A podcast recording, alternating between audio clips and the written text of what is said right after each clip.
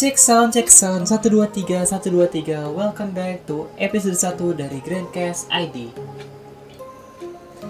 Oke, pada kesempatan kali ini gue bakal nemenin kalian selama beberapa menit ke depan Dan gue bakal jadi host pada episode kali ini.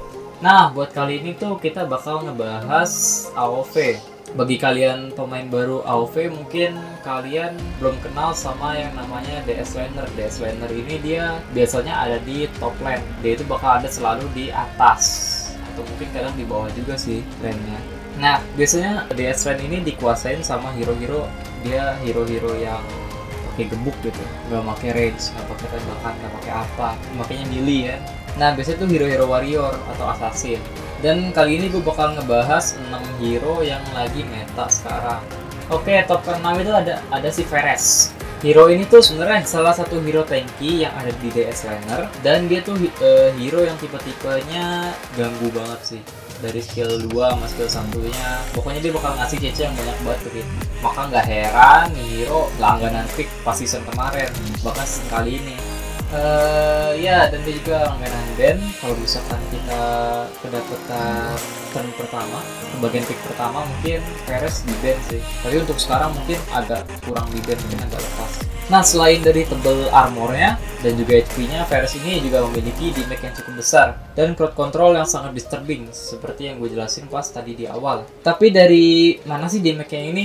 Nah hero ini tuh punya skill ultimate yang ngebuat musuh yang misalkan darahnya tuh udah kurang dari berapa persen jadi langsung mati hitungannya jadi kayak execute. Nah kan execute kan gitu kan kalau misalkan darah lu sekarat otomatis bakal koit. Nah terus hero ini tuh juga tergolong simple sih. Cuman dia bener-bener deadly banget hero nya maka dia nggak diragukan lagi dia bisa masuk boss malam ini. Gue bakal ngejelasin pasifnya itu apa aja. Yang pertama pasifnya itu dia memberikan 250 damage. Yang kedua itu 8% lifesteal jadi ke setiap kalian nge-hit 5 kali dia bakal dapat 5 stack dan dia bakal bikin bundaran nah bundaran itu setiap kena entah itu minion entah itu hero dia bakal ngambil 8% dari dari hero yang kena bundaran tersebut. Jadi semakin banyak hero yang kena bundarannya itu maka lifesteal ya makin besar. 8% ke 8% aja 8 kali 5 40 40% lifesteal hampir setengah darah dia. Dan pasifnya ini dia ngurangin skill 2 selama 1 detik dan skill ultinya selama 2 detik. Selain itu juga selama dia bundarannya itu aktif pasifnya dia bakal jadi anti CC jadi kalau misalkan lu pakai Valheim atau apa gitu ketemu Peres dia lagi dia lagi pasif lu stun juga nggak hero nggak bakal stun. Dan nih hero kalau pasifnya lagi aktif dia movement speednya nambah sebanyak 20% untuk skill satunya ini dia memberikan 150 damage ditambah dia reduce movement speed lawan sebanyak 50% dan stun 1 detik. Dia juga bakal nambah satu stack buat skill 2 nya ini dia bakal narik musuh ditambah tambah damage 50 yang diberikan. Dia juga bakal reduce movement speed lawan sebanyak 50% dan stun 1 detik. Nah ini juga sama nambah satu stack. Buat ke skill 3 nya ini dia bakal dash ke depan damage nya true damage apabila musuh apabila lawan terkena ulti maka Veres akan mendapatkan efek ulti selama 6 detik. Apa sih uh, efeknya? Yang pertama itu ada 30% attack speed dia nambah. Ditambah dia dapat 75 damage tambahan setiap hit dan yang terakhir itu armor pierce banyak 15%. Buat rune-nya menurut gua uh, yang pertama tuh Lockheim, yang kedua Deferer, yang ketiga tuh Bone Cutter, keempat Desperate Duel. Buat yang ke rune keduanya itu yang bawahnya, yang second rune-nya, dia pakainya Avata, Tower Blessing, Avata Regrowth. Nah, dia tuh tipe hero yang uh, burst damage juga, yang nyerangnya pakai skill sebenarnya. Jadi dia nggak bisa nyerang pakai auto attack. Dan dia butuh banget yang namanya defense. Jadi rune ini bakal support dia banget sih buat makin tebel dan makin bisa sustain di war. Nah buat itemnya itu Gilded Grave, di Aegis, gaya standar, Cross Escape, Muramasan, dan Blade of Eternity DOA. Buat rencananya 10 Skewer, Indomitable, dan Guerrilla. Semuanya 10 semua ya. Oke, okay, next. Yang kelima itu ada Killgrot. Nah, mungkin kalian kenal kalau di Indo itu Killgrot tuh belut gitu sebutannya. Nah, Killgrot ini tuh hero warrior yang punya lifesteal terus banget walaupun ya dia setara sama Om eh setara sama dia setara sama Aero sih kayaknya tapi kayaknya lifesteal-nya eh enggak attack speed-nya kencengan kill growth jadi ini hero tuh otomatis nganderin auto attack-nya dan attack speed jadi dia ngebuat diri dia bisa sustain di tengah-tengah pertarungan. Nah, yang ngebuat si kill growth ini spesial nih gak lain dan gak bukan karena skillnya cukup simple dan unik yaitu ultinya yang membuat dia jadi kebal terhadap CC apa pun dan juga memberi movement speed tambahan dan waktu singkat. Nah, gue bakal jelasin apa itu pasifnya, skill satunya dan skill 2-nya, dan skill 3-nya.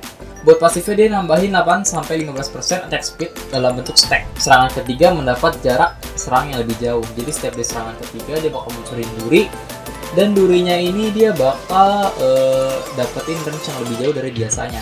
Buat skill satunya itu dia ngedash, dia ngasilin 50 damage, ditambah dia bakal reduce movement speed lawan 30% selama satu setengah detik. Jadi dia setiap kena setiap ngedash, kalau musuhnya kena dash, otomatis tuh musuh bakal nge-slow. Ditambah dia bakal ngurangin 4 detik cooldown apabila hit terkena musuh. Jadi tiap skill growth kena serang dia bakal kurang 4 detik.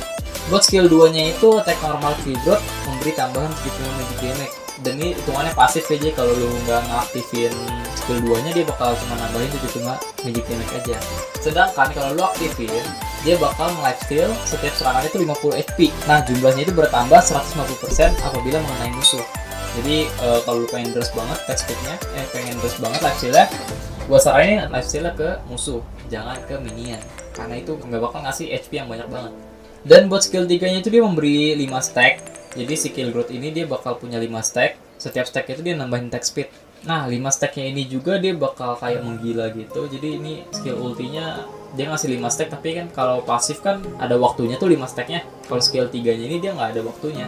Dan dia skill 3 ini nambahin 80% movement speed, ditambah lagi anti CC selama 4 detik, dan bertambah hingga 3 detik apabila kill growth menerima serangan. Jadi kalau misalkan lo aktifin ulti, musuh nyerang lu, otomatis lu bakal anti CC selama 7 detik. Jadi nih hero menurut gue rune yang cocok itu Lockham yang merah, Devourer buat Cutter, sama Devil Awakening. Kenapa Devil Awakening? Karena menurut gue kalau lu ulti tanpa adanya skill 2 lu bakal sia-sia sih. Karena lu juga butuh yang namanya Life Steal. Nah yang kedua itu rune keduanya ada Avatar sama Tower Blessing sama Avatar Hero. Nih hero juga nggak jauh beda sih sebenarnya DS Lander itu cuma butuh attack sama uh, defense yang setara. Jadi rata-rata uh, hero-hero DS pakainya Avatar. Buat itemnya Sonic Boot kenapa Sonic Boots? Nggak pakai jalur Griff aja. Sonic Boots itu dia karena uh, bakal ngurangin damage yang diberikan lawan. Jadi dia bakal sustain lagi di uh, sustain di tengah-tengah war. Kalau Gilded Griff kan dia udah punya tuh uh, CC 7 detik masih skill ultinya. Jadi menurut gue lebih worth lebih worth it uh, Sonic Boots sih. Yang kedua kena Plate, yang ketiga Rank Breaker, nah yang keempat ini Fafnir Talon, jadi lu butuh banget namanya Fafnir Talon. Nih hero kalau misalkan nggak ada Fafnir Talon, hero uh, life skill nggak bakal kencang. Walaupun lu ada nih hero bakal cukup banget sih, bakal jadi sampah tuh kalau ada Talon. Dan yang kelima itu ada Hercules Madness. Hercules Madness itu dia bakal nambahin defense selama beberapa detik kalau misalkan lu lagi sekarat. Tapi dia habis dipakai ada cooldownnya. Dan yang terakhir itu Medallion of Troy sebenarnya bebas sih mau Medallion of Troy atau mau uh, eh, BOE terserah kalian saya enaknya kalian aja. Medallion of Troy itu uh, fungsinya buat nambahin magic defense. Jadi kalau misalkan jungle sama mage-nya itu kan ada dua magic magic damage berarti. Ya lu pakainya Medallion of Troy. Tapi kalau misalkan kebanyakan damage-nya physical ya lu pakainya BOE aja. Jadi lebih worth it. Buat arcananya dia nggak jauh beda sama uh, archer. Dia sama-sama butuh attack speed sama butuh critical juga sebenarnya. Uh, acaranya yang pas itu buat dia 10 blitz, 10 guerrilla sama 10 skill. Jadi dia bakal setara movement speednya, attack speednya. Oke, buat posisi keempat itu ada Omen. Mungkin kalian bingung kok Omen bisa sih masuk ke top 4. Sebenarnya nih hero tuh buat di early menurut gua kurang sih dibanding hero-hero yang lain misalkan kayak Malo atau mungkin kayak Floren. Nah, nih hero juga yang namanya Fafnir Talon. Dia tuh hero yang pasang badan.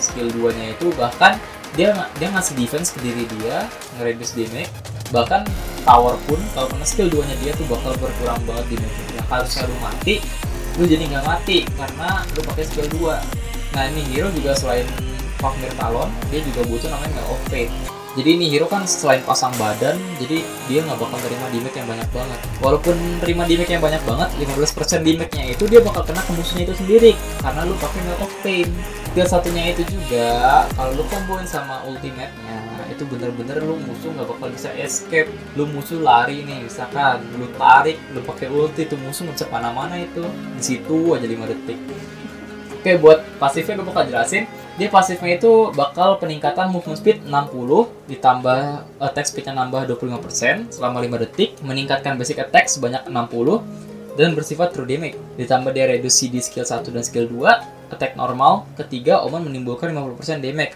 apabila dalam mode Thirst Blood. Thirst Blood itu dia di make-nya eh, lu kalau stack-nya udah full 5, 5 kali hit itu bakal muncul Thirst Blood, bakal attack speed-nya nambah. Nah, skill satunya itu dia bakal menarik musuh, ditambah dia bakal ngurangin movement speed lawan sebanyak 25%. Dan dia bakal ngasih damage 200 damage setiap dia pakai skill satunya. Untuk skill 2-nya, dia bakal eh, 50% damage reduce. Jadi dia bakal ngasih damage reduce buat diri dia sendiri sebanyak 50%, berarti setengahnya dong.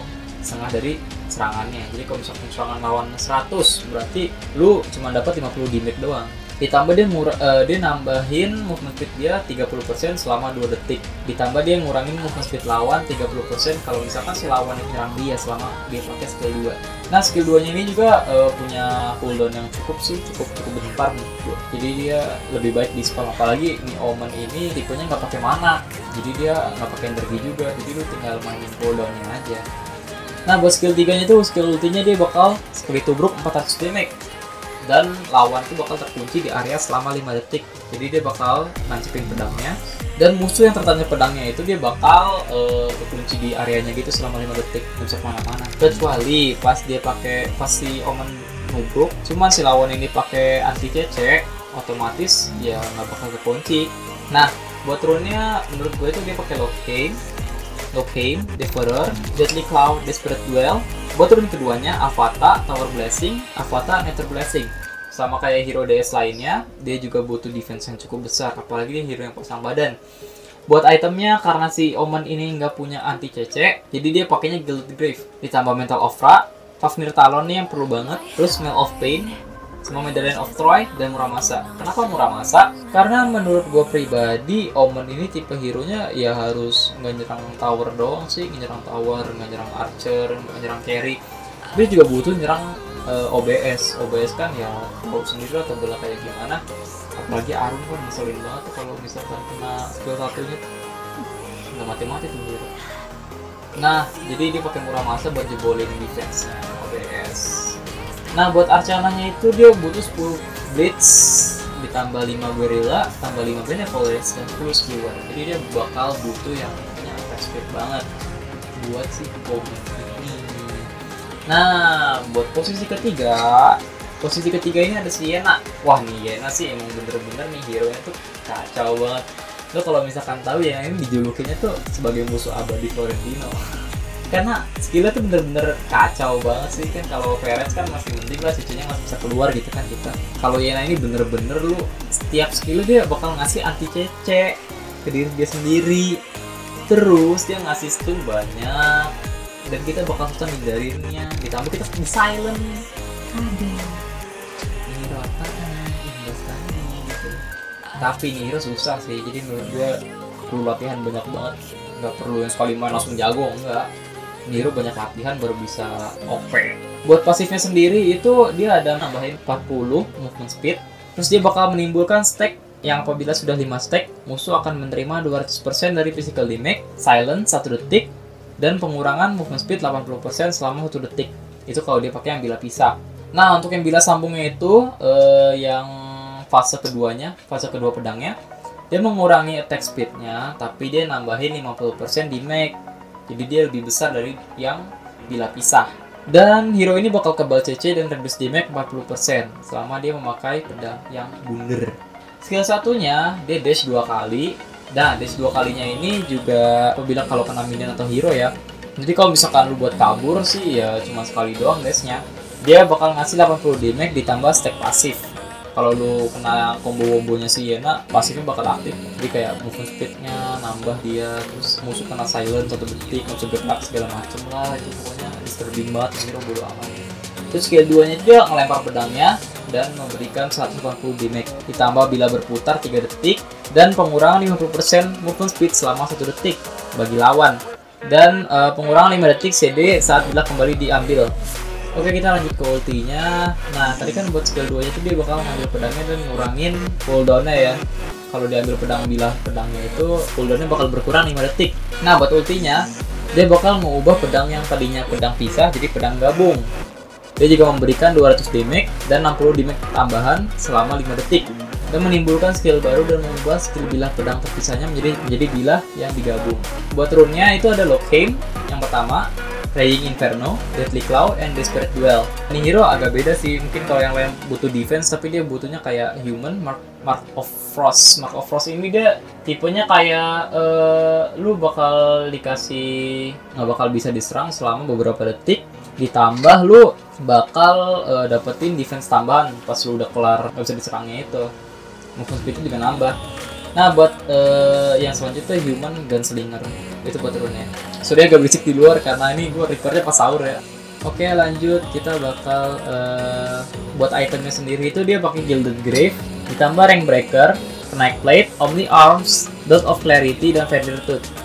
Buat arcananya dia pakai 9 Onslaught, 1 Atrocity, 10 Benevolence dan 10 Skewer. Oke next buat yang top kedua Oke, buat posisi kedua ini ada Richter. Richter ini bisa orang manggil juga orang-orang Indo tuh pada manggil Richter.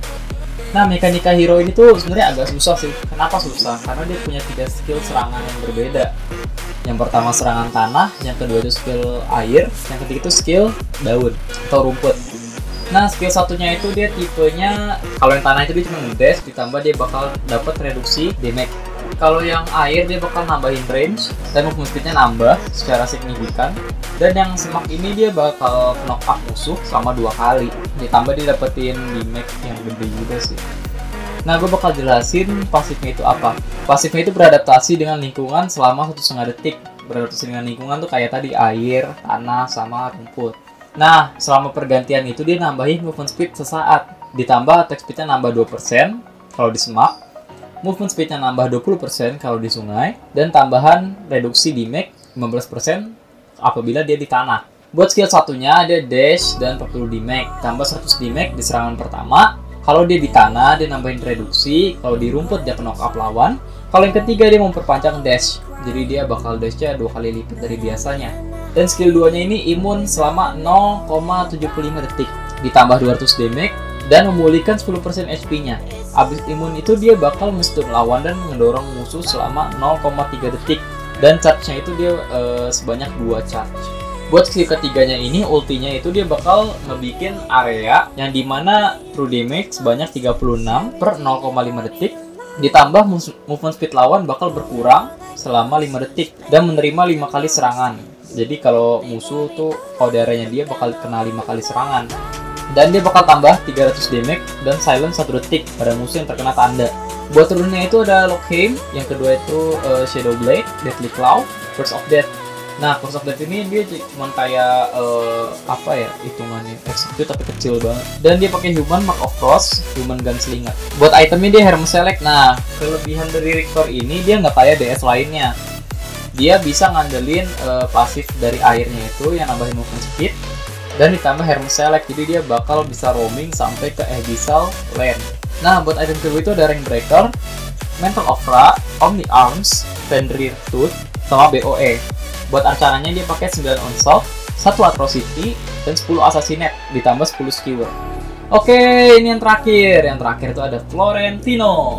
Ini hero bener-bener OP banget bahkan dia dijulukin Raja DS karena apa? Dia udah di nerf berkali-kali tetap aja nih hero. Di ranking 1 ranking 1 top hero nya juga hero nya rankingnya SSS ini padahal nih hero udah di nerf setiap patch.